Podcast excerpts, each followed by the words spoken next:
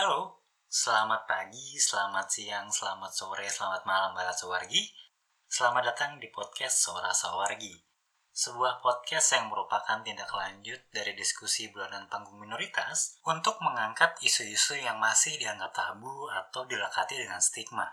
Bareng dengan saya, Langit. Ayo, kita dengerin sama-sama cerita di episode kali ini.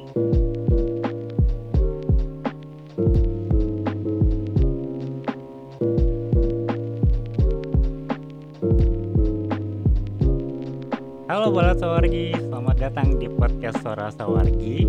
Dan ketemu lagi ya, barengan sama Langit di penghujung bulan yang spesial ini. Happy Pride Month Semoga kamu bisa tetap bangga menjadi diri sendiri walaupun udah bulan di luar Juni ya, udah bukan bulan Juni lagi. Ngomongin Pride Month, itu kalau sekarang biasanya identik dengan perayaan dan kemudian juga pesta warna-warni pelangi yang berkibar di mana-mana. Tapi balat kita juga sebenarnya nggak boleh lupa asal muasal dicanangkannya Pride Month. Pride Month didasari sebuah momentum pergerakan di Amerika Serikat yang mungkin balat kenal dengan sebutan peristiwa Stonewall Uprising. Peristiwa ini juga merupakan sebuah protes atau Iya kalau dikonotasiin ke konteks Indonesia tuh kayak lebih dikenal kayak demonstrasi gitu kali ya. Untuk menuntut hak-hak dan pembebasan dari orang-orang dengan ragam gender dan juga seksualitas. Jadi kayaknya Pride Month ini seharusnya bukan sekedar bingar-bingar doang. Kita juga nggak boleh lupa dengan akar dari Pride Month itu sendiri. Karena rasanya sampai saat ini masih banyak banget hak-hak dari teman-teman Sawargi yang masih harus tetap diperjuangkan. Nah, tapi Bala tuh penasaran gak sih? Di Indonesia sendiri tuh ada pergerakan-pergerakan yang kayak di Amerika Serikat gitu gak? Di Indonesia sendiri tuh ada gak sih gerakan yang menuntut kesetaraan seperti itu? Kalaupun ada, kapan dimulainya? Terus udah ngelakuin apa aja? Nah, ini nih rasanya nggak afdol banget kalau kita nggak dengerin langsung dari pionirnya yang udah terkenal banget pokoknya. uh, dia tuh pokoknya salah satu bukan salah satu ya, bahkan dia tuh sebagai dia tuh pendirinya organisasi pertama gay di Indonesia. Jadi, Bala Sawargi, Langit itu sudah mendatangkan seorang Dede Utomo itu tahun lalu. Tapi akhirnya rekamannya bisa naik sekarang buat kita dengerin sama-sama. Spesial untuk Pride Month di tahun 2022. Ini dia rekaman obrolannya langit bareng sama Dede Utomo. Halo, selamat sore. Uma selamat sore, Dede Utomo. langit ya. Waduh ini suatu kehormatan banget nih buat Langit bisa ngobrol sama seseorang yang namanya Dede Utomo. Aduh merinding, deg-degan sebenarnya. Santai aja lah ya, apa apa uh, mestinya sih biasa-biasa aja. Tapi saya tahu beda beda umur kita jauh ya, 40-an tahun. bukan bukan bukan masalah itunya, Uma, bukan oh, ya? masalah umur karena karena uh, dari dari langit dulu ya, langitnya masih hmm. belajar sampai sekarang itu kan nama Dede Utomo tuh kayak sering banget bergema gitu loh, sering banget didengar, "Oh Dede Utomo ini, Dede Utomo itu," gitu kan. Wah Iya. itu kayak Ke semua orang keuntungannya keuntungannya orang yang pertama kali melakukan sesuatu. Betul betul, jadi kayak Menonjol mencuat gitu ya, mencuat gitu jadi ya, Iya iya, betul betul. kebetulan aku apalagi awal uh, tahun 80-an, 90-an tuh rajin-rajinnya nulis ya, jadi Dulu tuh cuman bisa baca tulisan-tulisannya Oma Dede. Sekarang bisa ngobrol langsung uh, sebelum ngobrol tuh ketemu uh, ketemu tapi cuma tatap muka aja. Iya, Om Dede waktu waktu itu Bandung ngelakuin ya, pemaparan di mhm. panggung minoritas, cuma nonton Iya. sebentar, aduh jadi ke mana-mana ini obrolannya. Nggak apa-apa nanti kan bisa bisa diedit nanti, ya But kan? anyway, eee, Iya, oke, sebagai mhm. pembuka, Langit mau ngucapin selamat ulang tahun untuk Gaya Nusantara yang Oh ke-34. ya, terima kasih ya, sudah 34 tahun masih eksis lumayan dan Iya masih iya. masih sibuk. Iya Langit. Baguslah, Harapannya heeh. Langit sih semoga tetap sibuk ya sampai tahun-tahun ke depan dan Ya ya, dan semoga juga kami kami memang, eee, dari dulu komitmen untuk membantu kelompok-kelompok yang baru mulai ta tampil, yang ini, yang mungkin belum apa, belum belum kuat gitu ya, kami berusaha untuk membantulah. Heeh. 1 Agustus ya ulang tahunnya kan ya? Iya, Emang? tahun 87 itu, eee, didirikannya, heeh. 34 tahun. Nah, Langit pengen tahu nih, mungkin ini pertanyaannya udah kayak sejuta umat ya yang nanya, cuman Nggak apa-apa juga. cuman Langit pengen denger sendiri nih, mumpung Iya. ada kesempatan. Gimana sih sejarahnya bisa sampai terbentuk yang namanya Gaya Nusantara? Nah, gini ya, jadi sebelum eee, memang Gaya Nusantara yang eksis sampai sekarang ya, eee, tapi sebelum Gaya Nusantara tuh ada organisasi lagi, eee, sebetulnya ada 2, eee, fenomena yang harus disebutkan. Yang pertama adalah berdirinya organisasi-organisasi Wadam, dulu namanya Wadam ya, eee, kemudian jadi Waria tahun 80-an, kemudian jadi Transpuan sekarang, mmm, itu. Yang tercatat itu ada Himpunan Wadam Jakarta, itu sekitar tahun 68, sayangnya nggak ada yang bisa persis mengatakan, kapan gitu ya, tapi sekitar tahun 60-an. Eee, saya ingat, eee, guru guru saya, eee, Pak Ben Anderson, secara ya bercanda sebetulnya mengatakan, eee, gerakan Wadam itu kayak semacam hasil yang tidak diharap yang tidak direncanakan dari Orde Baru. Orde Baru awal-awalnya sangat terbuka ya, ada pe pendirian LBH, eee, dan salah satunya adalah ini, apa, be apa, berdirinya organisasi Wadam, eee, Himpunan Wadam Jakarta yang diikuti dengan Yogyakarta yang yang aku tahu, eee, mungkin Bandung juga, tapi saya nggak tahu nggak tahu betul sejarahnya ya, itu masih harus ditulis sebetulnya. Eee, Surabaya tahun 70-an, dan yang lain-lain sampai sekarang masih masih masih ada. Itu itu itu satu gerakan yang harus diakui, eee, kadang-kadang kita lupa gitu ya, eee, memang, apa, modus modus untuk bergeraknya kadang lain sih, banyak entertainment, eee, tapi sebetulnya juga enggak juga sih, ber terakhir-terakhir karena Covid juga banyak organisasi Waria atau Transpuan itu Mhm. banyak membantu ini ya, banyak membantu, eee, anggota komunitas yang memang betul-betul nggak nggak bisa hidup kalau nggak nggak dibantu gitu. Ya karena Itu wabah pandemi ini ya? Karena pandeminya, eee, jadi kalau misalnya yang yang paling sederhana aja isolasi mandiri, siapa yang ngasih makan, ya kan? Belum lagi kerjaan juga jadi jadi sangat berkurang, eee, dan seterusnya dan seterusnya, selain tentu saja, eee, diskriminasi yang masih berjalan terus gitu. Nah, tapi yang yang kemudian menyusul, eee, dan saya selalu bilang de diilhami oleh gerakan Wadam itu, eee, adalah, eee, gerakannya kaum, eee, homoseksual atau gay. Mmm, itu tahun 82, eee, kebetulan aku juga ikut bersama beberapa kawan, eee, kalau nggak salah kawan-kawanku yang sesama pendiri Lambda Indonesia itu pada udah pada meninggal. Mmm, Mhm. dulu ada Chandra ya? ya, se sudah lama sih sebetulnya, tapi ada ada ada namanya Chandra Sudarsana, eee, seorang dokter, eee, yang udah meninggal juga, eee, hampir seumur saya sebetulnya.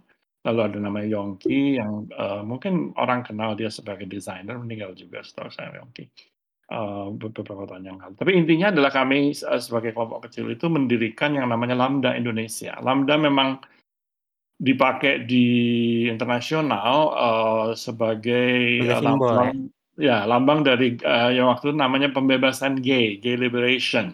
Mhm mhm. Waktu tahun 60-an, 70-an itu kan banyak semua liberation, Palestine liberation, apa ya, jadi gay juga pengen liberation, ada women's liberation juga ya, pembebasan perempuan gitu. Memang jadi gerakannya memang, eee, anu melawan gitu dari awalnya, semangatnya itu seperti itu. Lambda Indonesia ber berkegiatan selama sekitar empat tahun, 82 sampai 86, um, uh, dan sempat juga me, anu, sempat juga berdiri cabang-cabang yang saya tahu itu di Jakarta ada, Surabaya ada, Jogja, uh, Semarang pernah juga gitu ya. Yang intinya sih ya pertemuan-pertemuan gitu, sesuatu yang baru sebetulnya. Kalau pertemuan di tempat uh, ngumpul, di tempat ngeber atau yang sekarang sekarang diberi, diberi, diberi nama hotspot ya, itu mm -hmm. udah lama itu ya, mungkin dari tahun 20-an sudah ada itu mungkin. Oh, Tapi iya? ini iya rasanya uh, kalau kita lihat uh, apa uh, cerita-cerita sejarah ini, ini lagi-lagi sesuatu yang harus yang perlu di perlu di, di, di dipelajari ya uh, suatu hmm. saat nanti. Uh, tapi intinya kemudian ada di mana-mana yang yang kemudian memberi nama khusus itu persaudaraan gay Yogyakarta 85. Jadi sekitar tiga tahun sesudahnya itu uh, dan ini semua sebetulnya bagusnya sudah diarsipkan oleh kawan-kawan Queer Indonesia Archive uh, yang ada di qiarchive.org kalau nggak salah pokoknya di, di, di, di, di Google aja lah nanti ya. Uh, jadi terbitan-terbitan uh, terbitan-terbitannya itu uh, sudah uh, sudah disimpan lah. Jadi paling nggak secara elektronik ya. Uh, sebetulnya secara secara apa hard copy-nya ada ada di beberapa perpustakaan kelas dunia sebetulnya. Library of Congress punya Amerika Serikat punya. Uh, hmm. arsip uh, lesbian dan gay Australia menyimpan uh, awal-awal. Masih ada ya sebenarnya ya? Catatan catatan uh, sejarah arsip-arsipnya itu ya? Di ruang kerjaku masih ada. Oh, uh, okay, okay, lengkap. Uh, Uh, tapi ya enggak, tapi ya sudah ada dan yang disimpan sama sama banyak pihak sebetulnya juga. Setauku juga perpustakaan nasional uh, itu menyimpan. Uh, jadi uh, tapi saya saya nggak pernah uh, ke perpustakaan nasional untuk melihat sendiri. Tapi kami dulu mengirimi uh, uh, mengirimkannya kepada perpustakaan nasional. Tapi oke okay, uh, untuk singkatnya kemudian jadi Gaya Nusantara itu uh, kami kita dirikan ya. Karena uh, Lambda Indonesia itu uh, nggak jelas. Tahun 86 itu kemudian nggak jelas. Cabang-cabangnya masih ada bertemu dan semacam. Tapi penerbitannya terbitannya itu berhenti gitu. Um, hmm.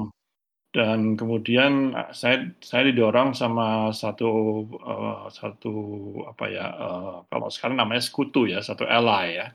Harus sekutu namanya Pak Wihimri beliau itu uh, ex Tapol Pulau Buru temannya Pak Pramudia Anantatur uh, dan beliau bilang ini harus diteruskan nggak boleh berhenti gitu ya. Terus uh, juga ada sepupu saya namanya Nur Agustinus dia kebetulan juga suka menerbit, menerbitkan majalah-majalah kecil gitu.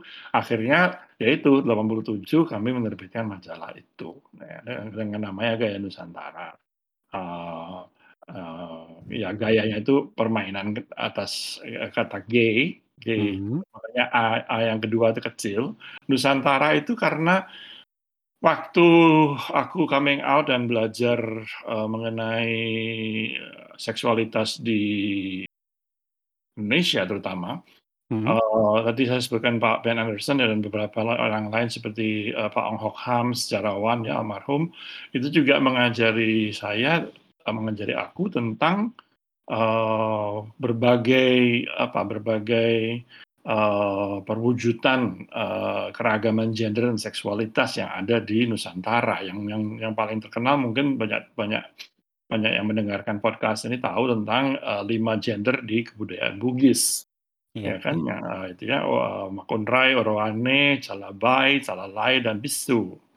Uh, tapi sebetulnya ada juga di tempat-tempat lain gitu ya. Uh, itu yang gender. Belum lagi yang uh, seksualitas seperti misalnya uh, yang, yang kalau disebutkan kadang-kadang orang-orang yang uh, sensi marah-marah sendiri padahal kenyataannya memang ada ya di pesantren-pesantren.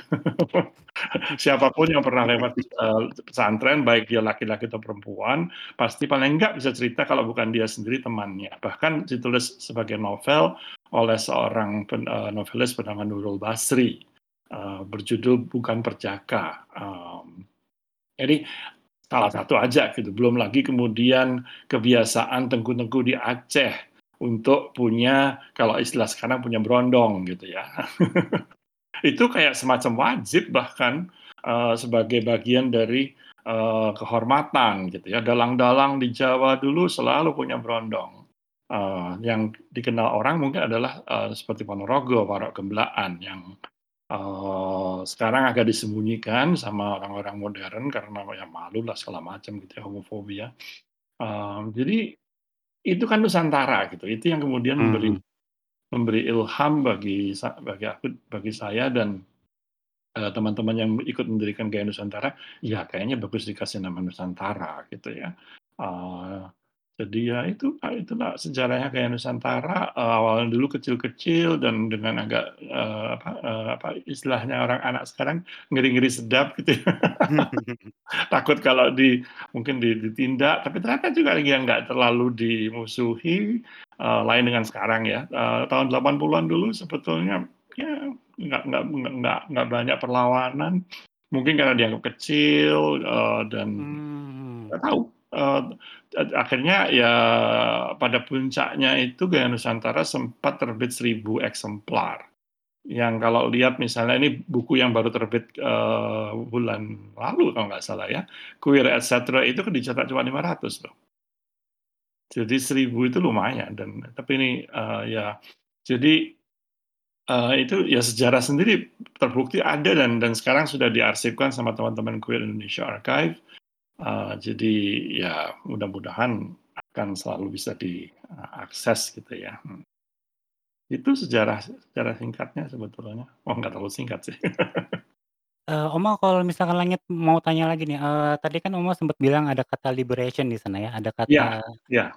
mmm, pembebasan mungkin bahasa Indonesianya, eee Ya apa ya? pembebasan, heeh. Iya betul ya, pembebasan Iya ya. betul, heeh. Sebenarnya kalau langit boleh tahu, ya karena kan langit belum lahir ya pada saat itu ya. Nggak Apa yang apa-apa, terjadi di sana sampai akhirnya terbentuk Pemikiran di balik itu adalah kita yang berbeda gender atau, eee, seksualitasnya ini, itu kan dikungkung.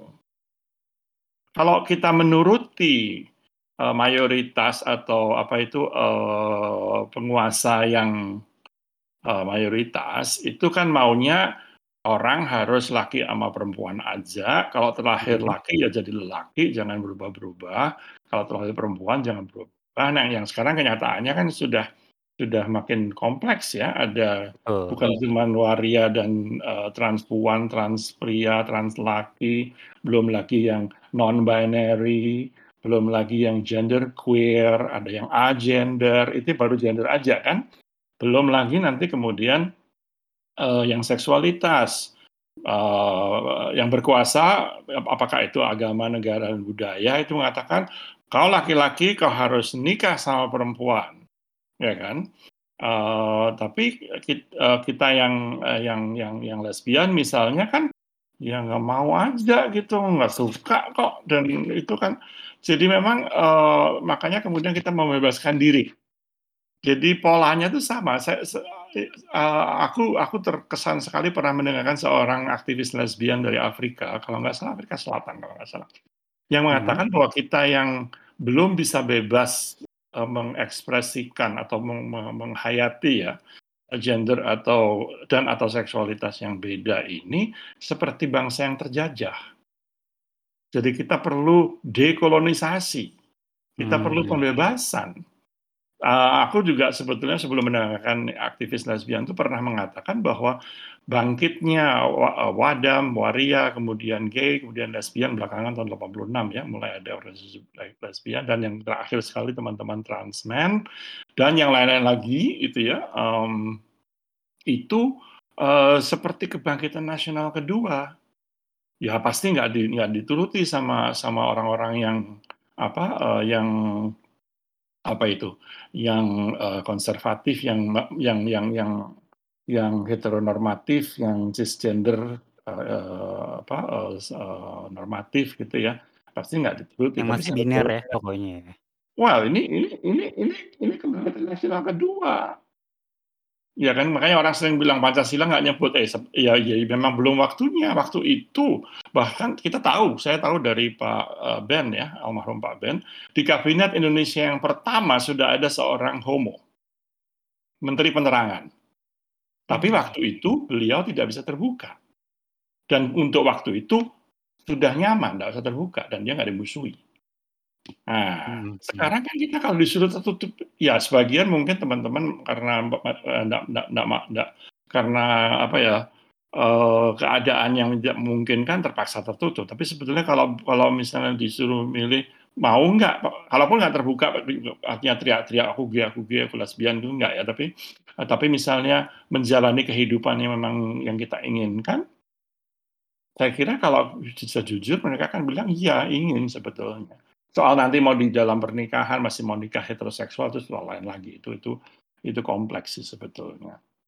Jadi itu pembebasan itu memang, eee, kan tahun 60-an itu di eee, di di di di internasional ya, itu ada gerakan-gerakan pembebasan antara lain Palestina kan, eee, apa Palestine PLO itu loh, Palestine Liberation Organization kan, pembebasan gitu. Dan eee, dan itu memang, eee, saya kira ini juga sesuatu yang kayaknya kita harus jujur ya, eee, di di Indonesia tidak banyak diketahui bahwa sebetulnya gerakan, eee, pembebasan, eee, gay yang kemudian jadi gay, lesbian, LGBT segala macam itu ya, itu Mhm. sebetulnya ilham awalnya itu dari sosialisme.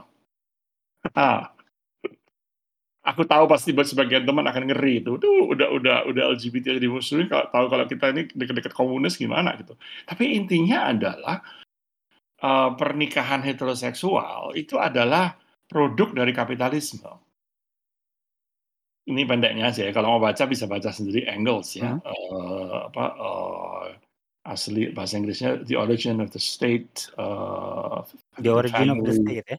ya and the Family and and and and and apa ya, itu kan ada pokoknya itu, eee, itu tulisannya Engels gitu, yang sebetulnya di dis di di di Indonesiakan secara tersadur oleh, eee, almarhum Arief Budiman dalam buku, eee, Pembagian Kerja Secara Seksual.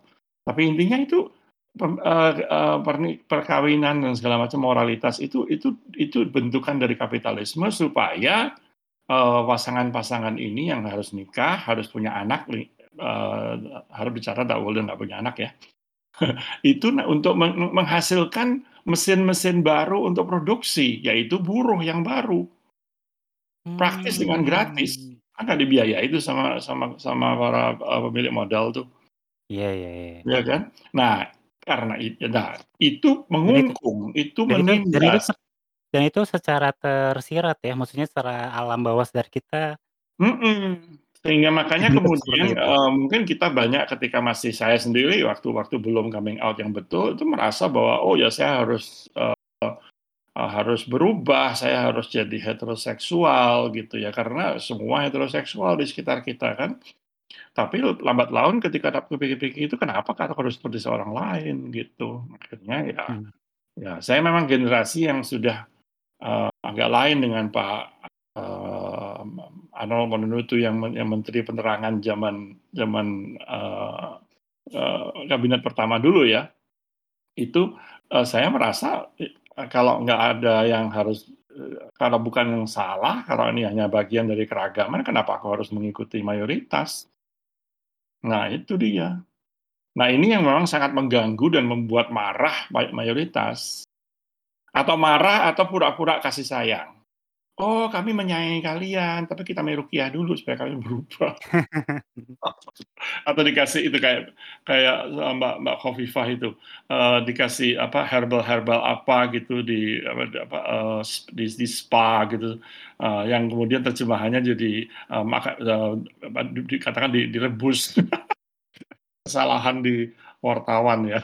Jadi, ya pokoknya, eee, ini ini tuh gambaran aja ya, eee, baru 2 hari yang lalu ada aku lagi diminta sama IVOS untuk, eee, menjadi narasumber soal, eee, radikalisme dan intoleransi.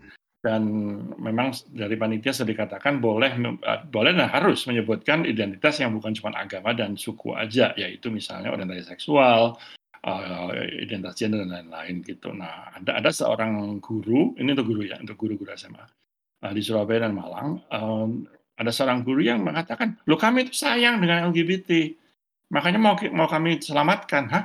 Saya bilang, "Pak, udah nanya sama yang mau diselamatkan mau diselamatkan enggak?" Sudah concern atau belum Dia bingung dia bingung katanya katanya panitia kan saya, eee, cuman cuman 1 jam ya. Itu, eee, dia pulangnya apa apa selesainya acara itu resah katanya. Ya sudah baguslah itu biar biar dia resah dan berpikir. Tapi intinya memang pembebasan itu kita membebas bebaskan dari apa ya, cetakan atau apa istilahnya, cetakan atau, eee, kotak atau pola yang yang bukan bukan untuk kita sebetulnya, tapi dikehendaki oleh mayoritas. Bahkan yang yang mayoritas heteroseksual sendiri ya? Barangkali tidak mau ikut itu. Misalnya, eee, saya saya tahu mungkin Langit juga tahu ba banyak orang muda yang eee, ikut gerakan child free. Gerakan secara sadar tidak mau punya anak, bukan benci, tapi ini kan pilihan. Nah gitu kan, dan ya pasti marah-marah juga yang konservatif, "Wah gimana?" Ya ya silakan gitu ya. Eee, gitu. Jadi apa ya, memang gerakan gerakan keragaman gender dan seksualitas ini melawan. Itu kita nggak usah nggak usah pura-pura gitu, bahwa kita menyesuaikan diri, nggak ada menyesuaikan diri. Kita kita ya ya kita memang saya tahu teman-teman ada yang tidak punya kemewahan, harus Mhm. terpaksa menyesuaikan diri. Tapi, uh, pada akhirnya sebetulnya itu malah kadang-kadang menimbulkan masalah baru gitu ya. Kayak misalnya teman lesbian atau gay yang nikah gitu ya, eee, heteroseksual maksudnya. Itu kok Iya, ya karena ya itu tadi, karena ya tekanan sekarang dari banyak itu, tekanan dari apa, dari orang dari tua. lingkungan, dari sosial. Makanya saya suka kemarin tuh ada ada diskusi lain kebetulan tentang ini apa, mmm, tentang kekerasan seksual. Dan aku baca ini, aku baca RUU pe penghapusan kekerasan seksual kan. Tahu nggak di situ ada pasal loh, barang siapa memaksa orang lain nikah, itu dia melakukan tindak pidana. Kuku. Ya memang kita nggak tega ya mengirim ibu kita ke ke ke lapas gitu karena maksa kita nikah. Tapi sebetulnya kalau kita betul-betul mentok, pidanakan aja. Bahwa Nah itu. sebenarnya sih itu ada pasalnya ya, ketika ada orang ada Kak, makanya memaksakan makanya orang-orang yang konservatif nggak suka kan dengan dengan RUU, eee, Mmm. penghapusan kekerasan seksual itu. Jadi ya ini sebenarnya kompleks dan dan dan ap berkaitan dengan masalah orang-orang yang yang yang yang bukan bukan, eee, LGBT, bukan, eee, mi minoritas seksual, tapi yang tidak pas betul dengan cetakan heteroseks heteronormatif atau cisgender yang yang diberikan oleh penguasa gitu. Oh Mas, selain selain Gimana? benteng-benteng yang dibangun sama orang-orang heteronormatif itu tadi, selama Mhm. puluh empat tahun itu apa rintangannya yang pernah diterjang dan berhasil dilewatin sama Gaya Nusantara sampai akhirnya masih sibuk sampai sekarang?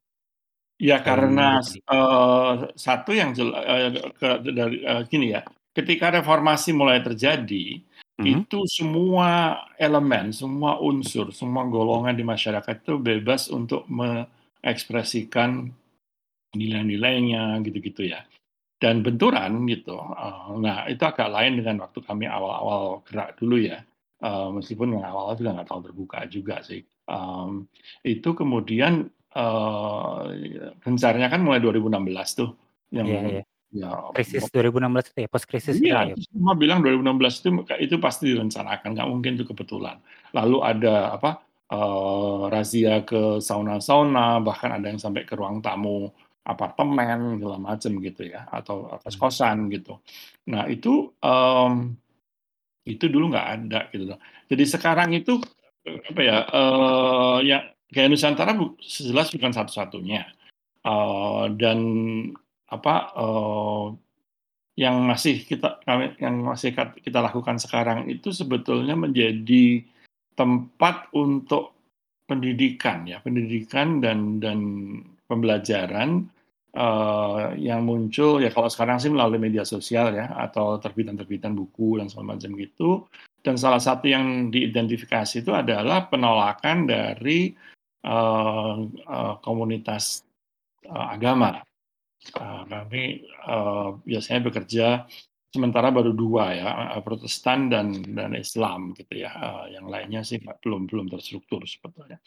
Uh, untungnya ada sekutu-sekutu, uh, pendeta maupun, uh, ulama, uh, seperti Bu Musda, seperti Mas Al-Ansori kalau yang Islam gitu ya, Pak Steven Sulaiman kalau Kristen dan yang lain-lain juga.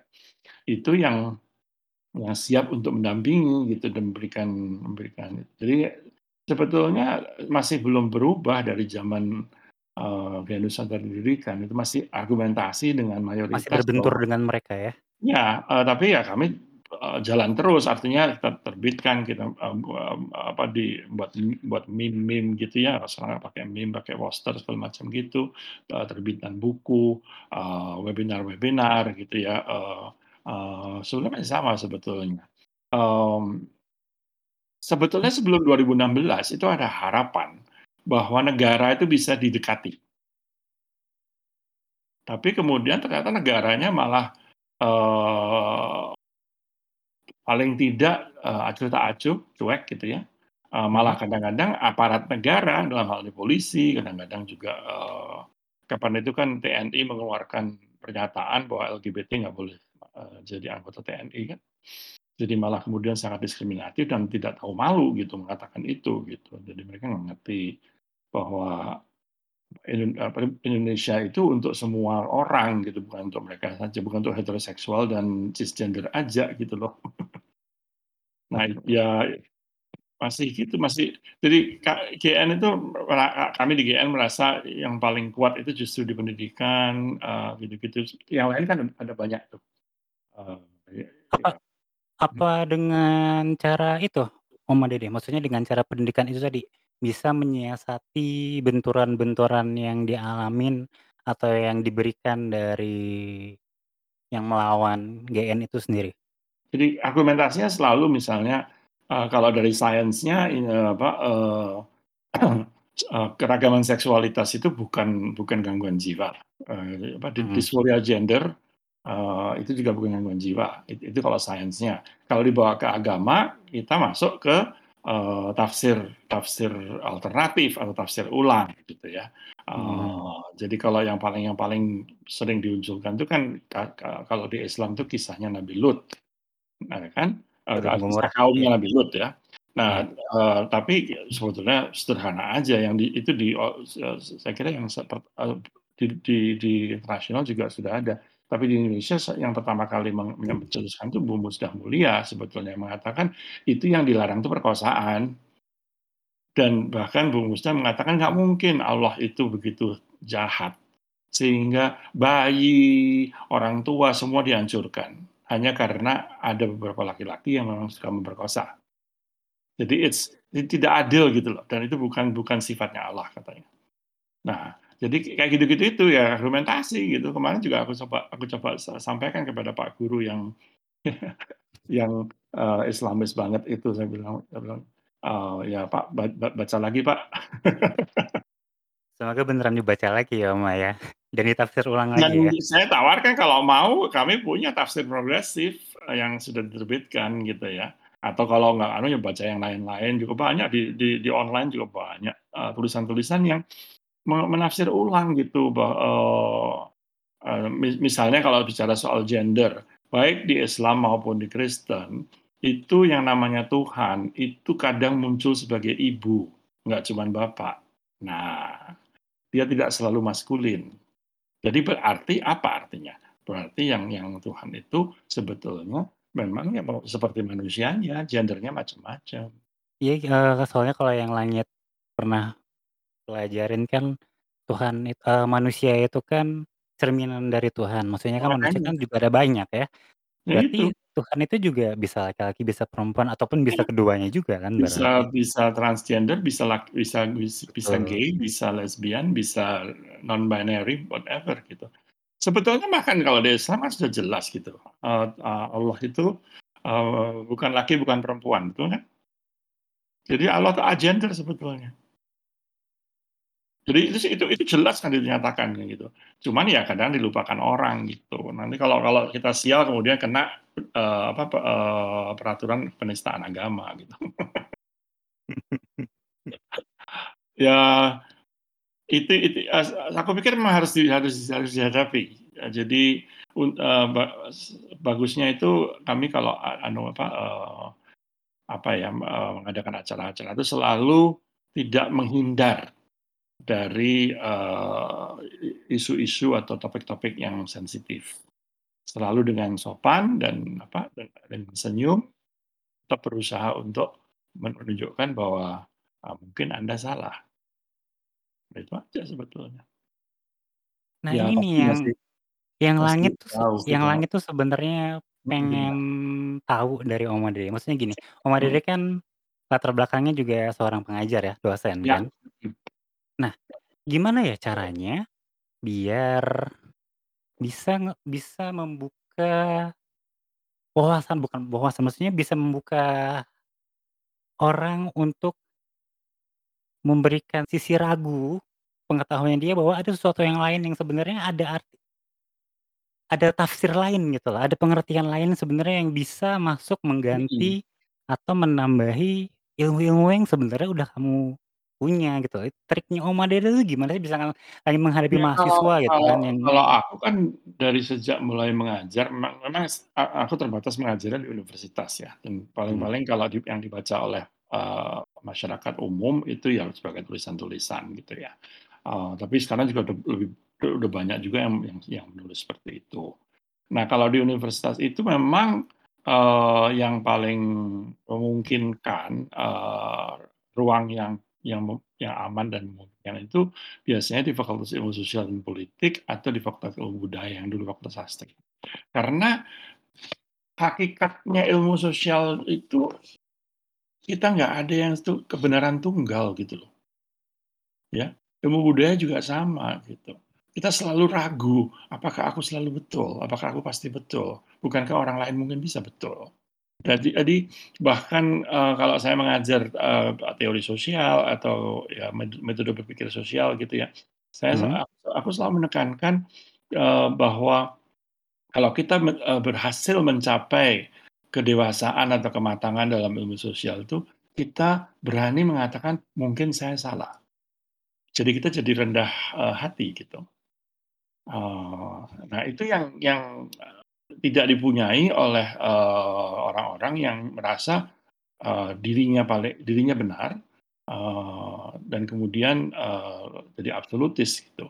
Mmm, sebetulnya teologi ya, kalau yang ngerti teologi yang, eee, jangan teologi yang konservatif ya, teologi yang yang terbuka gitu ya, eee, teologi Mhm. feminis, teologi queer, ada loh. Itu ya macam-macam gitu, eee, misalnya melihat sejarah gitu ya, pe banyak sebetulnya gitu, eee, misa eee eee, sa aku cuman pinjam aja dari atau atau ya ya pinjam dari teman-teman yang lebih tahu sejarahnya Islam. Di rumah tangganya Nabi itu ada, eee, yang kalau sekarang disebut transpuan, bahasa Arabnya mukhannath. Bahkan diketahui namanya Hind. Dan dekat dengan salah satu istri Nabi yang bernama Siti Aisyah. Itu, de apa, catatannya ada di kitab Ah, muslim iya, itu? ah, itu harus tanya pada apa pada gimana? ahlinya itu. Itu kayaknya hadis itu. Itu kayaknya hadis. Eee, tapi kalau ada yang pengen tahu, eee, bisa, i itu, apa, bisa bisa bisa kita rujukkan ke Bu Musdah, ke anu bahkan sebetulnya ada juga di Jogja itu Ustadz Arif gitu ya, yang ya apa, mmm memang, eee, bacaannya luas gitu loh. Bu Musdah pernah memberitahu sa ak saya pernah tanyakan ke Bu Musdah, "Mbak, kok semua pengetahuan yang Anda sebutkan itu kok saya nggak pernah dengar dari orang-orang lain?" Lalu mereka bilang, "Gini Mas Dede, 1, mereka malas baca." Ulama ada yang malas baca loh ya, nggak semua rajin baca. Kedua, takut untuk beda. Nanti nggak jadi masuk MUI, nanti nggak jadi apa gitu-gitu politiknya, takut beda. Yang sebenarnya terjadi juga pada para politisi kita ya, politisi kita benar-benar pengecut semua jadinya. Mmm, jadi sebetulnya sejarah itu macam-macam gitu. Eee, coba cek sendiri deh, Jalaluddin Rumi, salah seorang pemikir Islam yang yang besar ya, itu punya hubungan romantik dengan gurunya, Syams Tabra ta Tabrani namanya kalau nggak salah. Nah itu, tapi disembunyikan. Karena apa ya, suasana sekarang cenderung homofobik dan uh, anti uh, transgender gitu. Tapi pernah ada uh, ketika Islam lebih ramah. Jadi anu lah apa uh, makanya ya kita harus masuk sejarah, kita harus masuk ke filologi, ya, ilmu teks ya, ilmu teks-teks lama dan saya pikir kalau orang betul-betul bacaannya itu luas, dia nggak bisa nggak bisa arogan gitu kemudian mengatakan ini salah, ini betul. Ya kan. Pada intinya adalah harus terus untuk Iya. belajar dan pengen tahu ya, untuk Dan, lunak eee, sama dan dan mungkin pengetahuan-pengetahuan tugasnya baru itu ya. tugasnya organisasi sebagai Nusantara dan mungkin juga komunitas dan yang lain-lain itu, eee, me me mengemas pengetahuan ini, eee, untuk, eee, yang tidak sempat atau tidak mampu belajar secara akademik ya. Saya nggak mau bilang akademik itu segala-galanya. Tapi kalau kita nggak belajar sejarah secara akademik ya nggak benar juga kan. Atau kita belajar misalnya hermeneutika. Hermeneutika itu kan bagaimana ayat misalnya, sebetulnya di Islam kan ada ada as asbabun nuzul kan, jadi setiap ayat itu pasti ada sejarahnya diturunkannya untuk apa kan, eee, dengan apa, dengan, eee, konteks apa gitu. Jadi nggak Mhm. asal langsung. Jadi kelihatannya kompleks, tapi sebetulnya kalau orang yang mau berpikir dan apa, berpikir beda, eee, itu nggak terlalu susah sih. Jadi ya harapannya kan apa, eee, tulisan-tulisan, berita-berita, eee, apa, eee, poster-poster itu akan, eee, ada ada dampaknya gitu, di di seluruh dunia di seluruh dunia sama kok. Kayak misalnya nggak tahu ya nih ya, orang-orang pada ngikutin olimpiade gitu ya, Mhm. keb eee, tapi kayaknya media di Indonesia nggak terlalu banyak ngomong ya bahwa jumlah atlet yang LGBTQ di Olimpiade Tokyo itu terti terbesar dalam sejarah olimpiade, 158 orang gitu kan. Kayak gitu-gitu loh. Jadi ya kalau GN sih GN Nusantara dan saya kira yang lain juga itu meneruskan, me-retweet lah gitu atau kalau ada ada ada ada meme di Instagram kita kita repost atau kita bikin sendiri, tahu ya. Kayak gitu-gitu itu. Nah, mestinya sih orang bisa mengatakan, "Oh iya ya," gitu ya. Eee, tapi memang, eee, kalau ya harus dilihat dari mana gitu, da dari sejarah-sejarah agama misalnya, bisa nggak gitu. Tadi yang cerita soal adanya apa, transpuan di rumah tangga Nabi itu gimana gitu. Jadi Berarti salah satunya adalah dengan lebih mengekspos berita-berita positif Iya. Jadi dibandingkan dengan berita-berita yang dilakukan oleh, GN Nusantara, oleh komunitas, oleh yang lain-lain juga itu, eee, munculkan dan makanya juga pentingnya kerja media. Makanya, eee, kita lumayan kita didampingi sama Sejuk, Serikat Jurnalis untuk Keberagaman, dan mhm. juga AJI, Aliansi Jurnalis Independen. Ini dua yang dua yang, eee, berkomitmen untuk mendampingi dari segi media. Terus ada apa, media-media kayak Jaka ya Jakarta Post bahasa Inggris ya, eee, tapi yang bahasa Indonesia Magdalene misalnya, eee, Tirto, eee, apalagi yang yang, eee, media-media online itu yang yang jelas berpihak pada keragaman, Tapi berpihak sayang tapi sayangnya yang berpihak iya. sayangnya Uma, yang berpihak itu justru media-media yang bukan market leader sih sayangnya. Iya sih. Sayangnya. Tapi tapi enggak enggak semua loh. Kapan tuh detik.com memberitakan meskipun su eee, 3 kali ya, memberitakan adanya seorang trans trans laki, trans man, Mhm. yang disahkan menjadi laki-laki berdasarkan, eee, pernyataan medis dari dokternya yang yang meng mengawasi transisinya dia melalui hormon. Jadi bukan operasi fisik loh. Luput ya, luput dari perhatian ya. Berarti tergantung jurnalisnya juga ya? Bukan cuma sekedar Oh, nama brand jurnalis dari itu medianya itu juga ya? terus kemudian teman-teman trans laki sendiri yang bilang, "Tolong jangan diekspos terlalu besar, nanti dampaknya malah" ya sudah kit kami di GN misalnya mengatakan, "Kita sendiri bukan trans laki, jadi apa hak kita untuk untuk gembar-gembor" eee, itu kan. Ya sudah kalau teman-teman trans sendiri memilih untuk menyembunyikannya, eee, Mhm. supaya tidak mempersulit proses-proses di pengadilan karena beberapa teman-teman trans eee, trans man, teman trans laki itu lagi proses untuk diakui gender-nya berdasarkan de dengan dasar yang sama. Yaitu eee, Mmm. pernyataan dari medis dari dokter yang dokternya kadang sudah oke. Nggak semua dokter bersedia ya, tapi, eee, ada beberapa dokter yang bersedia dan, mmm, dan yang jelas sudah sudah 1 kali berhasil di Pengadilan Negeri Wates itu. Kalau dibandingin zaman era-era orde dulu sama sekarang, Oma, Mhm. ada perubahan nggak di dari suara-suara yang keluar dari gerakan-gerakan komunitas minoritas ini, ada bedanya nggak, Oma? Menurut aku sih sebetulnya ya, eee, sekarang itu lebih solid ya pemikirannya ya. Eee, dasar-dasar pemikiran teoritisnya lebih kuat. Aku pikir sekarang orang-orang muda yang kayak di Bangun Minoritas, di Q Q apa, Queer Indonesia Archive, di Queer Language Club ya, ba banyak sekali, sorry kalau nggak sebutkan satu-satu. Kan sekarang banyak sekali ya, itu bacaannya lumayan. Dan itu itu kalau aku sendiri pribadi menemuinya di di kuliah. Dengan entengnya se mahasiswaku kadang-kadang bilang, "Pak, saya genderqueer." Oke, jelaskan pada teman-temanmu apa itu genderqueer, sudah tahu semua?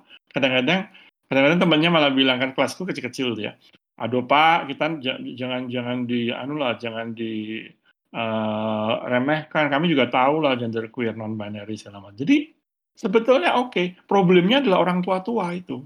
Oh, masih bentrok dengan pemikiran lama Iya, yang berarti orang ya? tua-tua ini nggak mau baca, nggak mau ngerti, eee, dan sa salah satu persoalan dengan dengan menjadi dengan parenting ya, dengan jadi orang tua itu kadang-kadang ada image anak harus seperti dia, yang mungkin apalagi kalau udah gagal gitu. Jadi terus aduh ada ada, mmm, kasihan juga anaknya gitu. Lalu ya salah satu salah satu strategi yang ditempuh teman-teman menjauh dari keluarga kan. Kerja yang jauh di Papua sana atau bahkan di luar negeri. Pulang 3 Ya, tahun itu kalau yang sekali. punya kesempatan untuk itu ya, tapi kalau Heeh. sayangnya banyak yang nggak Nggak bisa semua, tapi kayak gitu, betul, sebetulnya kalau mereka yang adaptasi. sekarang karena karena Covid agak susah ya, tapi sebelum Covid itu banyak, eee, anak-anak, eee, kelas pekerja ya, anak-anak desa, itu Mhm. yang, eee, larinya ke Taiwan sama Hong Kong. Yang lesbian cenderung ke Hong ke Hong Kong, eee, membentuk komunitas di sana, Mhm. eee, yang gay, eee, cenderung ke Taiwan. Tapi Langit tuh dulu pernah berpendapat ya, kalau Mhm. misalkan orang-orang yang sudah yang pindah-pindah tadi ya, yang ke Taiwan, ada yang ke Hong Kong dan lain sebagainya, kalau akhirnya mereka pindah tidak di Indonesia lagi, berarti Mhm. Indonesia bakalan tetap seperti itu nggak sih? Maksudnya nggak ada lagi suara-suara yang keluar dari mereka, karena suaranya justru malah ter-centralized di Taiwan itu tadi, Betul, di ada Hong ada Kong itu yang tadi. jadi gini ya, kita nggak bisa meskipun a aku aktivis ya, tapi aku juga sadar bahwa tidak semua orang mampu, bisa, dan ingin jadi aktivis. Mmm. Banyak yang sudah merasa, "Oke, aku punya pasangan, aku hidup dengan tenang, nggak usah nggak usah rame-rame, eee, ya sudah kalau memang bisa gitu, itu itu bukan hak hak kita sebagai aktivis untuk maksa, 'Hei, kamu harus aktif.' Ya untung-untung kalau nyumbang lah gitu ya." Atau beli beli merchandise, kan sekarang banyak tuh yang bikin merchandise, ada apa, Pelangi Nusantara kalau nggak salah itu, apa, Pride Store ya, itu kan, eee, bikin t-shirt-t-shirt yang bagus-bagus, bikin tas gitu-gitu ya, produk-produk gitu. Seneng deh ngelihat-ngelihat gitu ya. Eee, jadi aku selalu melihat bahwa gerakan it apa ya, bukan gerakan, komunitas itu ada intinya.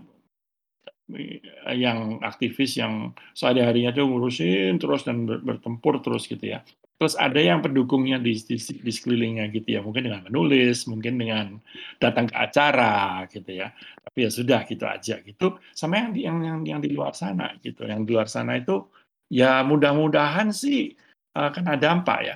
Pengalaman kami di Surabaya dengan, eee, razia di Hotel Oval tahun 2017 kalau nggak salah itu ya, itu agak repot karena kami organisasi yang mau membela bersama LBH, yang dibela itu takut ketahuan. Repot kan? Sehingga akhirnya di polisi mereka menolak untuk, eee, menandatangani, eee, pemberian kuasa kepada LBH. Akhirnya Kompleks ya, Oma? Kompleks itu jadi, Mhm. eee Ya kita bisa kita bisa agak agak bawel ya, agak ceriwis mengatakan, "Tuh tahu nggak kan kalau ikut aktivis kalau jadi aktivis kan lain, eee, kamu kalian bakal tahu, eee, bisa didampingi sama pengacara dan seterusnya." Eee, dan dan ada contoh seperti itu yang sebetulnya nggak harus aktivis betul ya, kayak misalnya, eee, Brigadir Teguh gitu ya, eee, mungkin pernah dengar ceritanya ya, eee, polisi yang dipecat karena dia dituduh gay, eee, kemudian menantang, eee, Polri uh, terakhir sih di di Pengadilan Tinggi Tata Usaha Negara uh, Jawa Tengah gitu ya. Aku aku nggak tahu belum belum belum belum belum dapat berita lagi gimana keputusannya. Tapi dia menantang gitu loh. Dan itu didampingi sama 13 pengacara dari LBH Masyarakat pro bono. Hmm.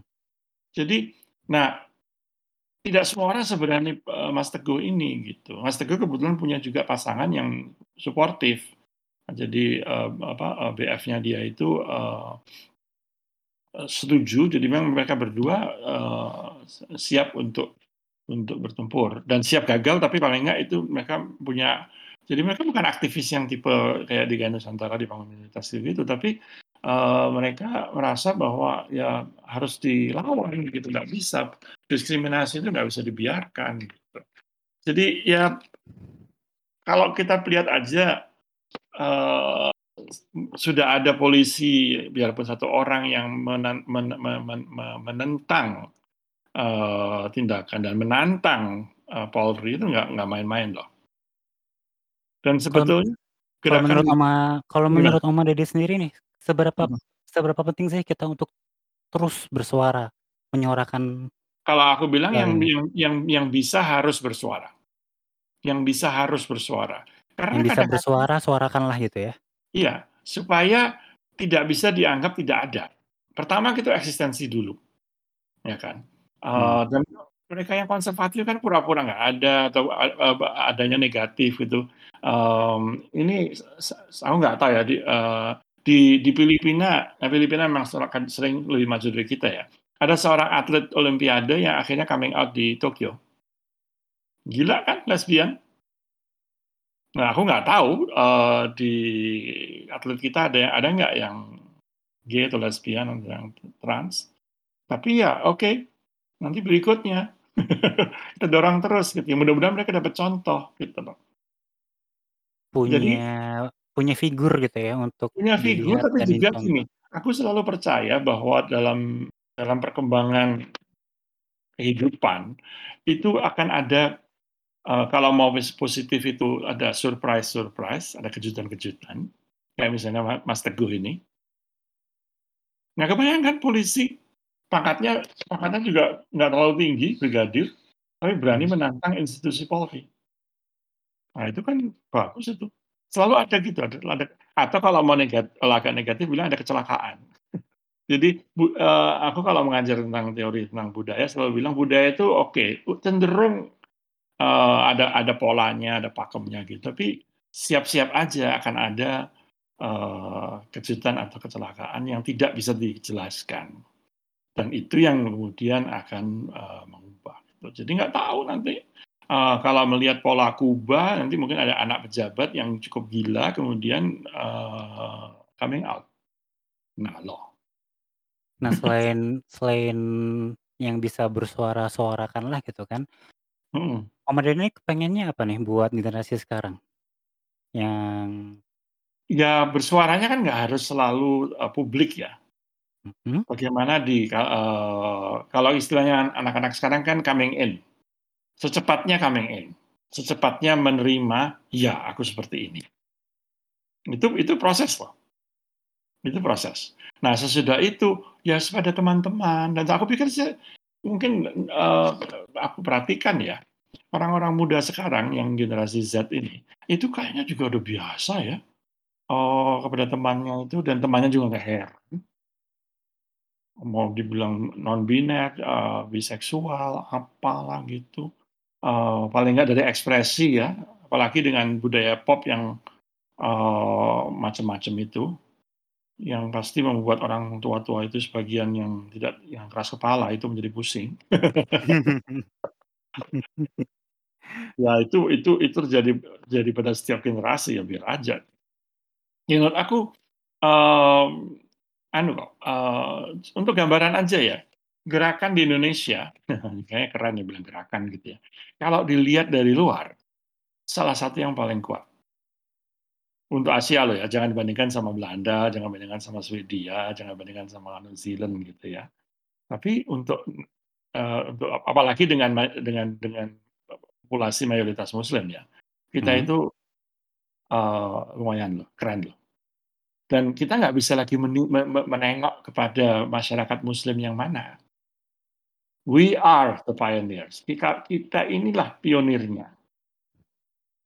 Nanti yang Libanon, yang Pakistan, yang tentu akan lihat ke karena nggak ada contoh lain, ya kita. Kita sedang membuatnya, kita dan dan sebetulnya aku sering kalau ngomong pada eee, kita kan ada nih ya, ada acara, pe apa, eee, pelatihan pada pemimpin-pemimpin muda ya. Ya kami kita rahasiain soalnya kalau ketahuan nanti malah di di di dipersekusi nanti. Tapi saya bilang ini, ini sama aja, eee, aktivis-aktivis sekarang ini, sama dengan ketika, eee, aktivis tahun 20-an, tahun 10-an, 1910-an ya, itu, eee, memimpikan Indonesia merdeka. Sama, di stigma juga. Sial-sial kayak Pak Karno itu dimasukin penjara Sukamiskin, terus dibuang ke mana gitu kan. Jadi, mirip sebetulnya. Dan kalau mau agak agak mungkin bombastis ya, pada akhirnya itu sekali-sekali mikirin diri sendiri dong. Gitu loh. Jangan, ya orang tua lah, inilah agama gitu. Pikirkan dirimu sendiri, kamu ingin apa sebetulnya? Dan dan berpikirlah keras dengan bantuan teman-teman ya, dan di situ gerakan berusaha membantu supaya bisa eee, bisa paling nggak survive sebagai individu aja deh, nggak usah usah sebagainya. harus kelompok ya. Nah, kita inilah yang baru, eee, pada pada generasi ini, yaitu, eee, dan sebetulnya sudah sudah bagus, eee, ada perse kes ke saya akan nyebutnya kesekutuan ya, allyship ya, secara Mhm. interseksional dengan misalnya, dengan aktivis perempuan, dengan aktivis buruh, dengan apa, aktivis disabilitas. Dan itu semua, eee, memang dimusuhi sama mereka yang yang yang yang yang anti anti keragaman ya. Tapi, eee, yang pro keragaman itu juga banyak gitu. Eee, agama-agama yang minoritas. Eee jadi salah sa kayaknya memang ini sesuatu yang menjadi aset kita ya. Eee, ya aku nggak mau bilang hanya hanya Indonesia yang seperti itu, tapi, eee, sejarah Indonesia menunjukkan bahwa orang Indonesia itu selalu melawan. Betul nggak? Kalau misalnya nggak melawan kan ya kita ikut Belanda aja gitu kan, tanya sama Belanda, "Boleh nggak kita merdeka?" Tapi ini satu lagi gitu. Sekarang bayangkan aja ya, kalau aku adalah generasi homo yang tahun 30-an, 40-an. Aduh nggak tahu ya, mungkin aku nikah, mungkin aku, eee, ya se sembunyi-sembunyi, curi-curi, kemudian, eee, punya cowok di mana gitu, atau, beli cowok sekali-sekali. Aku nggak anti ya, tapi, eee, tapi kan dengan aku coming out, eee, ya nggak sempurna juga gitu ya, mmm eee, tapi it's my own life gitu loh, itu kehidupan saya sendiri. Itu kan dimungkinkan dan I'm not the only one loh. Cukup banyak, apalagi beri generasi berikutnya itu cukup banyak sebetulnya yang yang sudah bisa seperti itu. Eee, dan nggak usah teriak-teriak se selalu gitu loh. Aku juga nggak nggak keluar dari rumah kemudian teriak, "Aku gay!" gitu kan. Ya cuman kadang-kadang pakai kaos yang ternyata, eee, kaosnya bilang born this way dan kecilnya ada ada gay, lesbian gitu. Ya udah kalau ada yang baca terserah lah. Pernah ada satu yang tanya, "Oh jadi Anda apa, Bapak itu enggak punya istri?" "Iya." "Kenapa?" "Ya saya nggak suka perempuan." "Loh kenapa?" "Saya homo, Bapak nggak tahu ya bahwa ada orang homo nih di depan Bapak ada satu nih." Jarang sekali aku, tapi kalau di kalau di kalau di pojok kan aku akan akan akan keluar gitu, eee, taringku kan bilang, ya dengan sopan, dengan senyum. Pertanyaan terakhir Mmm, nih sebelum ditutup ya. ya. Pride kan bulan kemarin ya, bulan Juni kemarin. Ya, Pride Month ya, pi Yang eee selalu diadain setiap tahun semenjak tahun Mhm enam puluh sembilan. Bener ya? Nah, sembilan belas enam Ya, sembilan ya? eee, ya secara internasional ya, Nah, mhm. kalau menurut Oma Dede sendiri nih, Pride itu artinya apa? Artinya ki ya i itu sebetulnya aku sendiri terpengaruh ya ketika aku coming out kan aku kebetulan di Amerika juga dan aku memang coming out pada buntutnya ya, pada ekornya gerakan gay liberation, eee, sudah sudah sudah 10 tahun kemudian gitu ya. Pride itu adalah kita bangga. Jadi bukan cuma menye menye menyesuaikan diri, ya udah kita pokoknya selamat, tapi ya kita bangga dengan apa adanya kita. Kalau aku aku kebetulan gay, eee, cisgender, eee, dengan ekspresi gender agak feminin, ya itulah aku, dan aku bangga dengan itu dan dan itu apa aja gitu yang yang teman-teman yang trans ya bangga dengan transnya, eee, dan itu itu aja sebetulnya gitu. Eee, memang di Indonesia, du dua sebetulnya yang mau sebutkan. Yang pertama tahun ini kelihatan bahwa, eee, konsep pride atau kebanggaan itu banyak dirayakan oleh komunitas, eee, di komunitas-komunitas di Indonesia ya. Meskipun secara publik agak susah karena ya, eee, satu ada Covid, dua, eee, meskipun FPI sudah dibubarkan masih ada aja yang ganggu nanti ya. Mhm. Itu gitu, mmm, tapi yang ke yang kedua sebetulnya kita tidak harus, eee, pride-nya se seperti itu gitu. Jadi kita bisa dengan cara-cara kita sendiri. Eee, Kalau Oma Dede caranya apa kemarin? Kalau Langit? Kam eee, kami di Gaya Nusantara ya bikin ini, bikin bikin apa, posting-posting medsos, terus, eee, aku pribadi ikut di beberapa webinar yang bicarakan soal pride, eee, iya, jadi ada beberapa istilah sebagian itu kadang-kadang harus dirahasiakan supaya nggak diganggu gitu. Jadi tergantung tergantung siapa yang mau terlibat ya, kalau ada yang berani, oke, kalau nggak berani ya di di jadi ada Sesuai ada kapasitas masing-masing berarti ya? Iya, jadi kadang-kadang mau diumumkan, ya kita ngumumkannya kalau nggak salah dulu kayaknya ada yang ikut yang yang yang yang apa, eee o acara open mic itu. Itu kan, eee, itu ya ya kalau dilihat dibandingkan dengan orang berpawai, eee, apa, eee, di Jalan Braga gitu. Nggak tahu apakah kita perlu seperti itu, nggak tahu juga. Ini bukannya bukannya kayak apa ya, kayaknya, eee, kemudian, ah, kita nggak berani, bukan.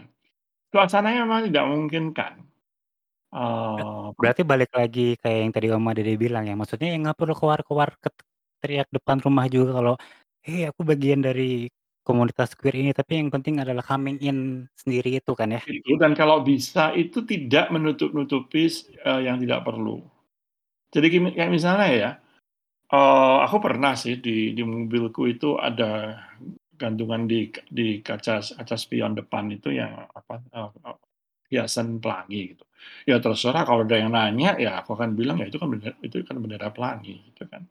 Eee, jelas gitu. Kalau ada Jadi yang nanya dijawab, kalau enggak ya udah, gitu. Kalau nggak ada ya nggak usah bilang gitu loh. Iya. Eee, kalau aku mengajar sih, eee, ya aku nggak akan bilang gitu, eee eee, "Saya Dede Utomo, saya gay," enggak. Tapi kan salah sa 2 mata kuliah yang aku ajarkan itu gender dan seksualitas, ya pasti ngomong lah akhirnya, iya kan?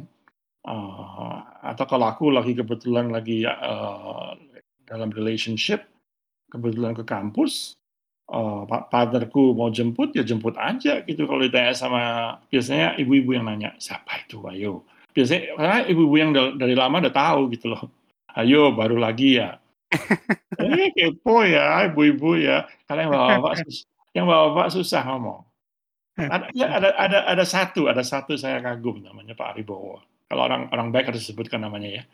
Pak Aribowo terakhir dekan Fakultas Ilmu Budaya, itu dia bahkan bisa dengan dengan sopan nanya, "Eh, pasangan Anda siapa sekarang?" Ya ba bagus kalau dia dia care kan. Heeh, padahal dia anu loh partainya PAN. Jadi saya saya tidak pernah, eee, mencekal orang hanya karena dia orang PAN, orang PKS. Kalau orang PKS mau anu, eee, kita Terlepas apa pun ayo. di belakang itu semua yang yang terpenting adalah Kalau dia individunya itu mau sendiri ya? berdialog, ayo berdialog gitu. Dengan ya kalau perlu pada akhir acara, eee, apa, eee, kita apa, kita sepakat untuk berbeda dulu, nggak apa-apa. Mhm. Ya memang kompleks dan memang perlu keberanian dan memang aku punya kemewahan sudah aku tuh sudah jadi aktivis itu 40 berapa tahun ya, mulai mulai pertama kali nulis tahun 80, jadi 41 tahun. Tapi itu pun ya yang masih berlangsung sampai sekarang ya, Oma? Masih. Kalau mau ngeri berarti setelah 41 tahun masih masih bekerja terus ya, tapi enggak, bukan soal ngerinya. Aku suka sih sebetulnya. Eee, apa, eee, masih ada apa ya, masih ada kegiatan dan dan senangnya itu ada yang banyak yang lain yang, eee, baik di Indonesia maupun di negara-negara lain yang yang aktif. Jadi kita bersama-sama itu sedunia gitu. Ap apa nggak bangga itu jadi bagian dari gerakan internasional gitu. Semoga yang lainnya yang lagi dengerin ya, Iya iya. Balat-Balat Tower gini yang lagi dengerin, semoga Oma Dede jadi salah satu figur yang tadi kan kita udah ngomongin soal figur ya, Iya, Oma Dede tetap tapi jadi figur buat mereka buat menyalakan kembali spark mereka, buat Iya, lebih dan berani lagi dan, menyuarakan eee, suaranya. mungkin sebagai penutup aku akan bilang tidak mustahil. Menjalani kehidupan dengan gender dan seksualitas yang beda itu tidak mustahil. Mungkin agak bahaya, mungkin agak susah, mungkin ada persoalan, tapi tidak mustahil and aku pinjam dari, eee, hashtag dari tahun berapa itu ya di di Amerika Serikat yang dipakai sama Hillary Clinton juga, "It gets better." Percayalah, hidupmu akan lebih baik kalau bisa menangani, eee, perbedaan gender dan seksualitas ini dengan baik. Pasti lebih baik. It gets Pasti lebih better, happy. amin amin amin amin. Better, hashtag-nya itu udah. Oke, makasih Oma Oke, Dede, ya ya. ampun. Balat Sawargi tadi obrolannya langit bareng sama Oma Dede ya. Waduh, mind blowing banget. Speechless, langit asli. Setelah bareng sama Oma Dede Otomo tadi, kali ini Langit juga udah mengundang narasumber kedua. Bernama Nada, yang di episode kali ini sudah bersedia ingin bercerita, membagikan pengalamannya mengenai pride bagi seorang Nada itu apa, gimana, dan mungkin ada hal-hal lain yang bakal Nada bicarain di episode kali ini. Yaudah yuk, langsung aja kita sambut, ini dia Nada. Biasanya kan Pride itu diselebrasinya meriah ya, ada parade, ada pawai, terus juga dandan, cuman sayangnya kan 2021 pandemi nggak kelar-kelar ya, Nat, Yoi. aduh. Aduh, masih sedih deh, jadi selebrasinya nggak bisa langsung, tapi mungkin lewat virtual ya? Mhm, kalau kemarin itu ya bener karena kayak kata Langit tadi ya, karena tahun ini tuh kita lagi ada pandemi, jadi nggak bisa ngumpul-ngumpul, ngerayain bareng-bareng tuh nggak bisa. Tapi nggak apa-apa juga karena kemarin itu aku ngerayain maksudnya menurutku kita semua ngerayainnya secara eee, satu secara online, kedua secara personal mungkin ya. Kan online tuh kayak kemarin tuh banyak banget komunitas queer di mana-mana kayak di Instagram, di TikTok gitu kan. Mereka semuanya ngerayain ngerayain Pride bareng-bareng. Meskipun nggak live, banyak sih yang live, cuman banyaknya tuh yang di luar negeri kayak live itu kayak jam 2 malam gitu kayak jam jam 4 subuh, jadi aku kayaknya nggak bisa ikutan kalau yang kayak gitu. kalau jam segitu kita semua masih tidur, Nat. Iya, gitu. Jadi karena banyak yang kayak gitu aku nggak, eee, nggak ikutan.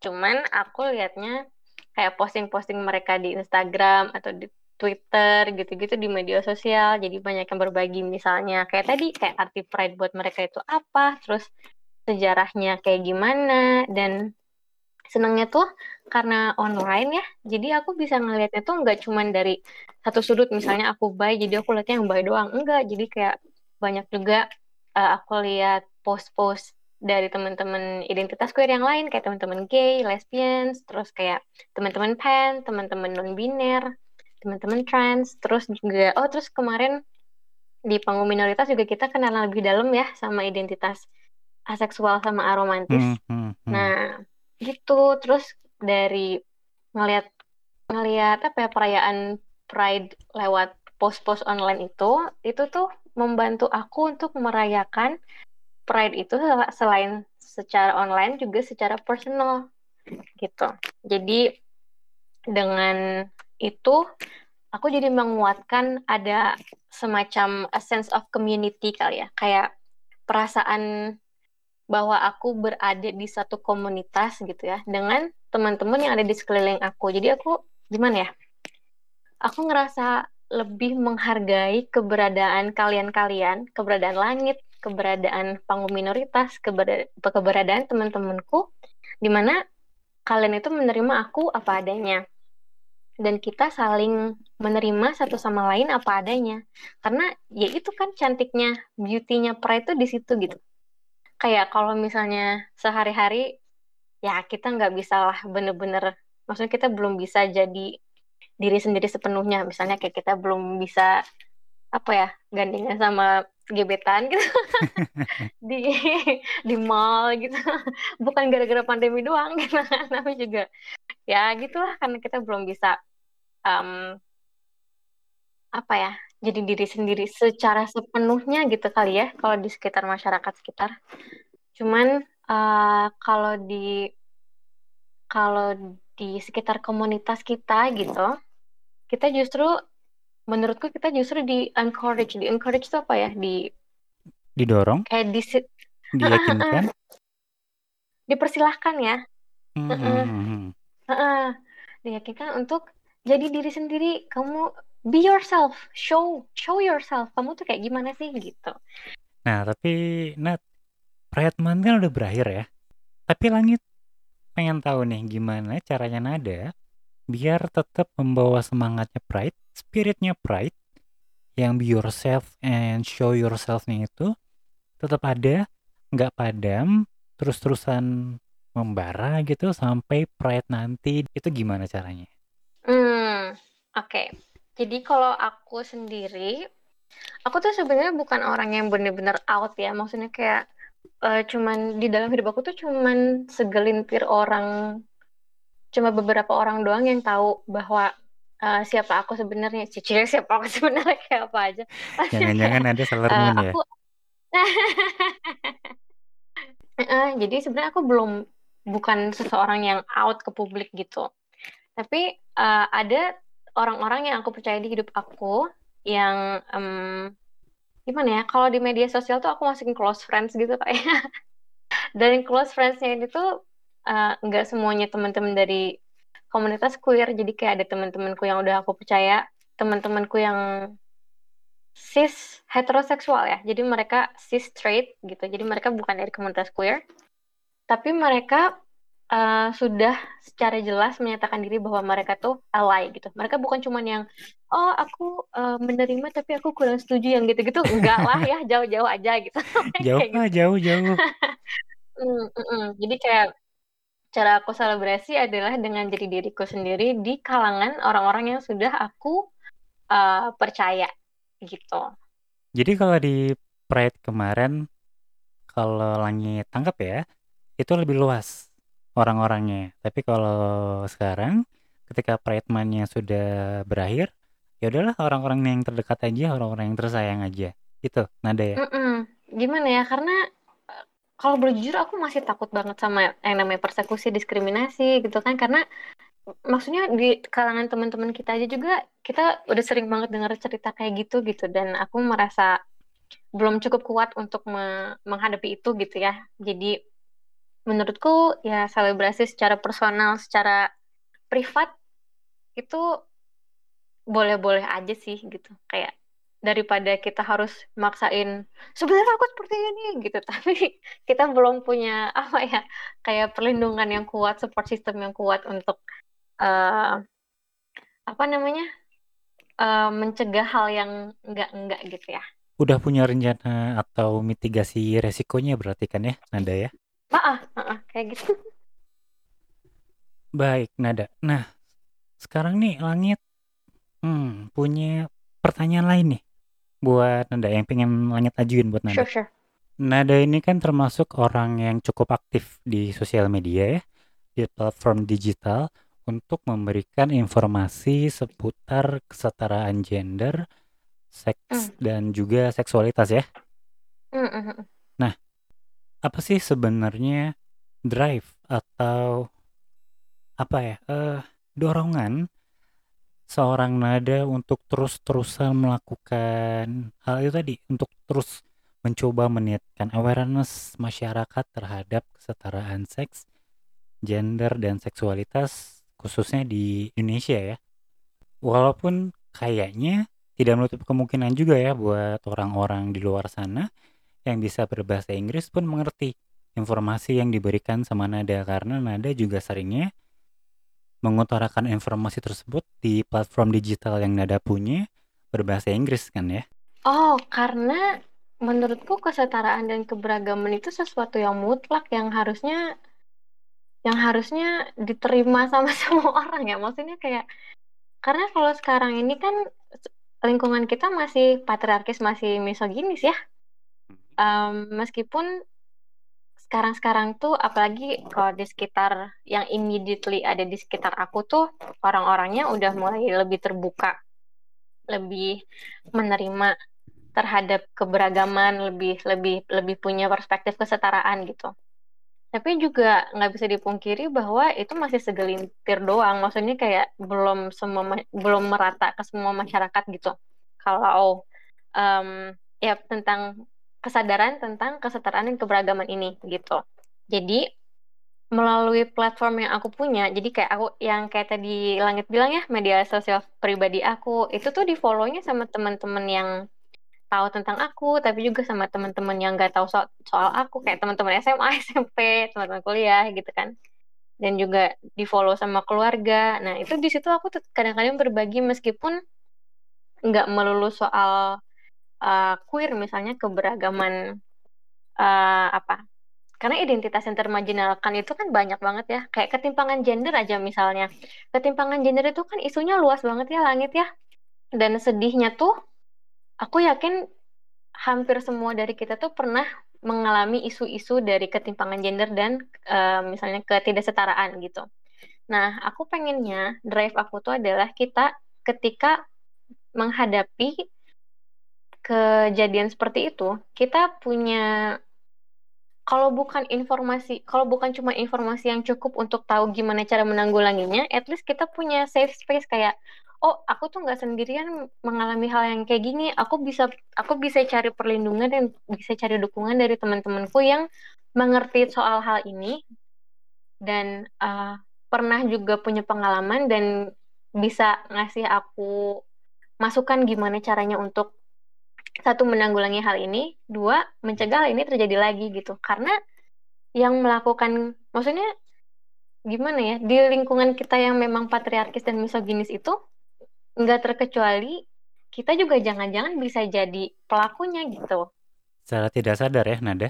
Secara tidak sadar betul karena kita kita belum belum punya informasi yang cukup soal itu gitu. Jadi um, tujuan aku, drive aku untuk selalu ya ketika aku bisa lah aku akan berbagi soal uh, kesetaraan dan keberagaman itu ya supaya semua orang mencapai itu kesetaraan dan keberagaman. Supaya semua orang bisa punya pride mereka sendiri. Jadi diri mereka sendiri nggak nggak perlu apa nggak perlu ada yang disembunyikan gitu. Nyambung nggak sih aku nyambung banget Nada. Justru malah aku senang banget sama jawabannya kamu. Kamu kalau bisa lihat aku ngacungin jempol nih sama jawaban kamu.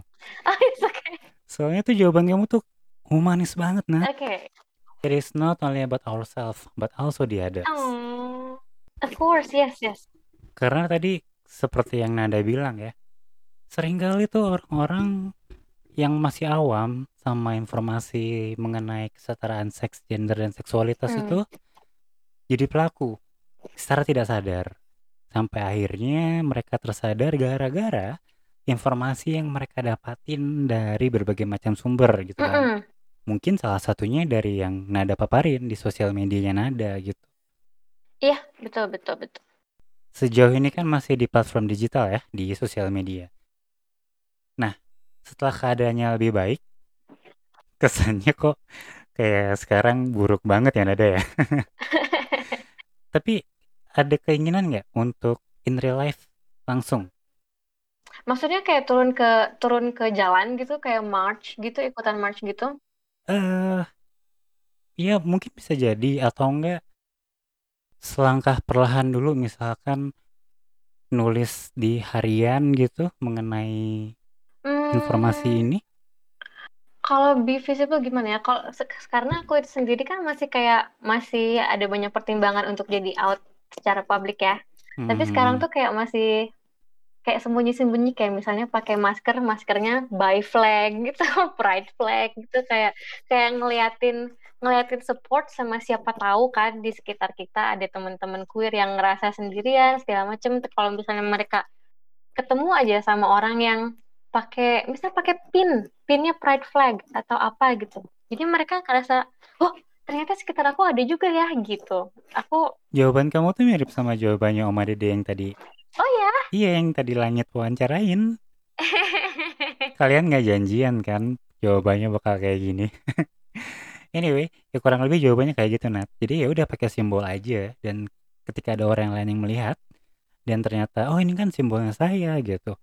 Mereka jadi nggak ngerasa sendirian. Yes, itu banget, bener banget. Setuju sama Oma Dedek.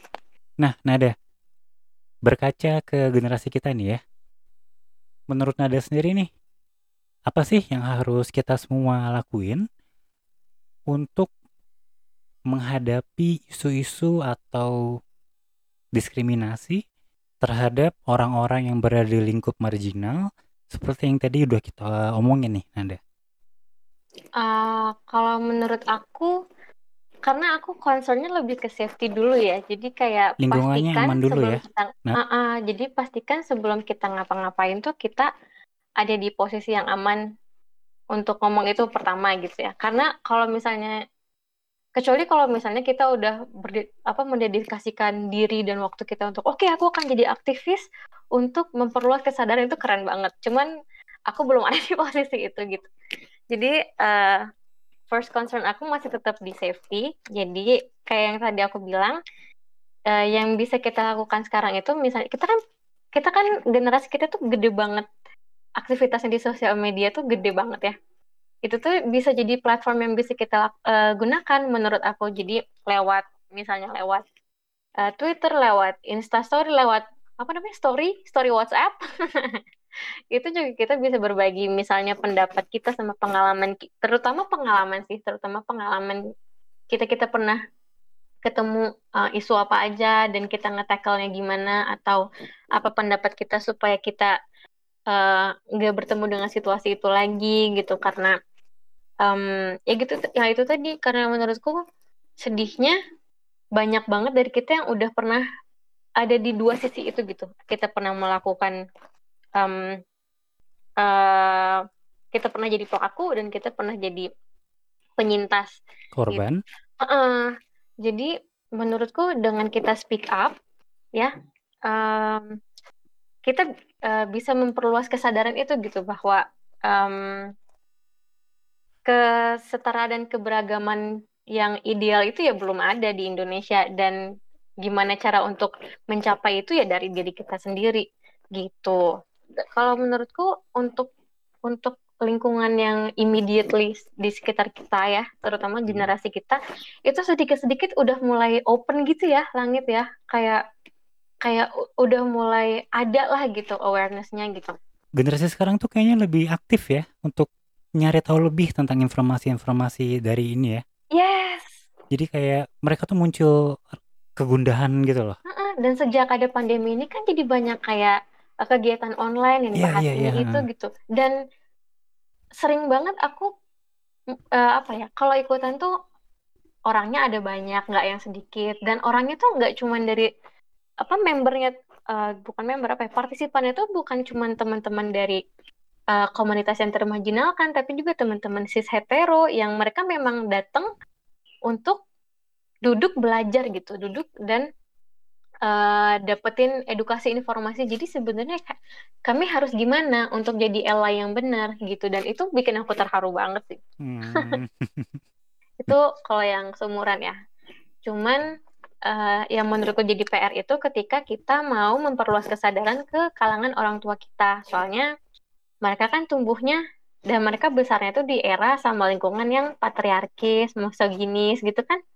Jadi um, apa ya hal-hal yang kayak gender roles kayak oh kalau cewek harus gini kalau cowok harus gini gitu kan itu tuh kayak udah tertanam lekat melekat gitu loh di pikiran mereka kalau buat aku tuh. Jadi yang jadi PR-nya itu jadi kita mesti tahu gimana cara nge-approach mereka, kayak harus pelan-pelan karena kan untuk nge-unlearn sesuatu itu bukan hal yang mudah ya.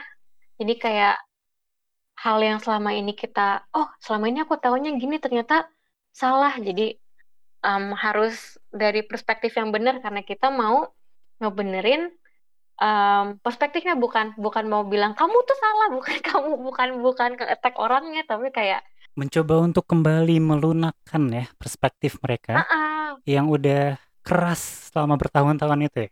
Betul. Uh -uh, jadi kayak harus pelan-pelan banget kayak kayak gimana kayak batu tuh dikikis air tuh dikit dikit dikit gitu. Jadi aku harap dengan kita pelan-pelan cara cara uh, approach-nya juga oke gitu. Lama-lama mereka mungkin bisa ngeliat perspektif kita dan sadar bahwa ini tuh isu semua orang, bukan cuma isu generasi kita doang gitu. Tapi juga uh, uh, memberikan dampak ke generasi mereka dan juga generasi yang akan datang gitu. Luar biasa jawabannya Nada. Uh, terakhir deh dari langit buat Nada nih. Apa sih harapannya Nada buat generasi kita sekarang? Atau ada pesan-pesan nggak untuk mereka semua, untuk generasi kita, atau enggak seenggaknya untuk orang yang lagi dengerin suara Sawargi episode kita kali ini deh? Dari Nada untuk mereka. Kalau buat aku, aku berharapnya Belat Sawargi um, bisa hold your pride dear to your heart. Kayak bener-bener pride itu sesuatu sesuatu milik kita semua ya jadi sel, uh, apa selama kita bisa kita harus bangga sama diri kita sendiri. Karena perjalanan kita terutama teman uh, kita kita yang dimarginal dimarginalkan ya kita kan perjuangannya lama tuh dari dari dari kita kecil sampai sekarang sampai hal-hal yang kita mengerti tentang diri kita sendiri itu kan kita pasti lama lah ya prosesnya. Harapan aku tuh Balasa Wargi bisa bangga sama progres yang sudah kita lalui dan juga tetap semangat untuk progres ke depannya yang akan terus um, akan terus kita kejar gitu. Karena aku berharap mulai dari diri kita sendiri Balasa Wargi bisa membawa kesetaraan dan keberagaman jadi sesuatu yang nyata begitu. Bukan cuman idealis mimpi idealis kita doang tapi jadi sesuatu yang uh, kita hidupi di Indonesia, Cie. Terima kasih Nada. Langit ucapin, makasih udah nyediain waktunya buat ngobrol sure. bareng sama Langit. Makasih banget juga Langit dan sama minoritas. Aku suka banget sama podcast Suara Sawar gini, keren banget.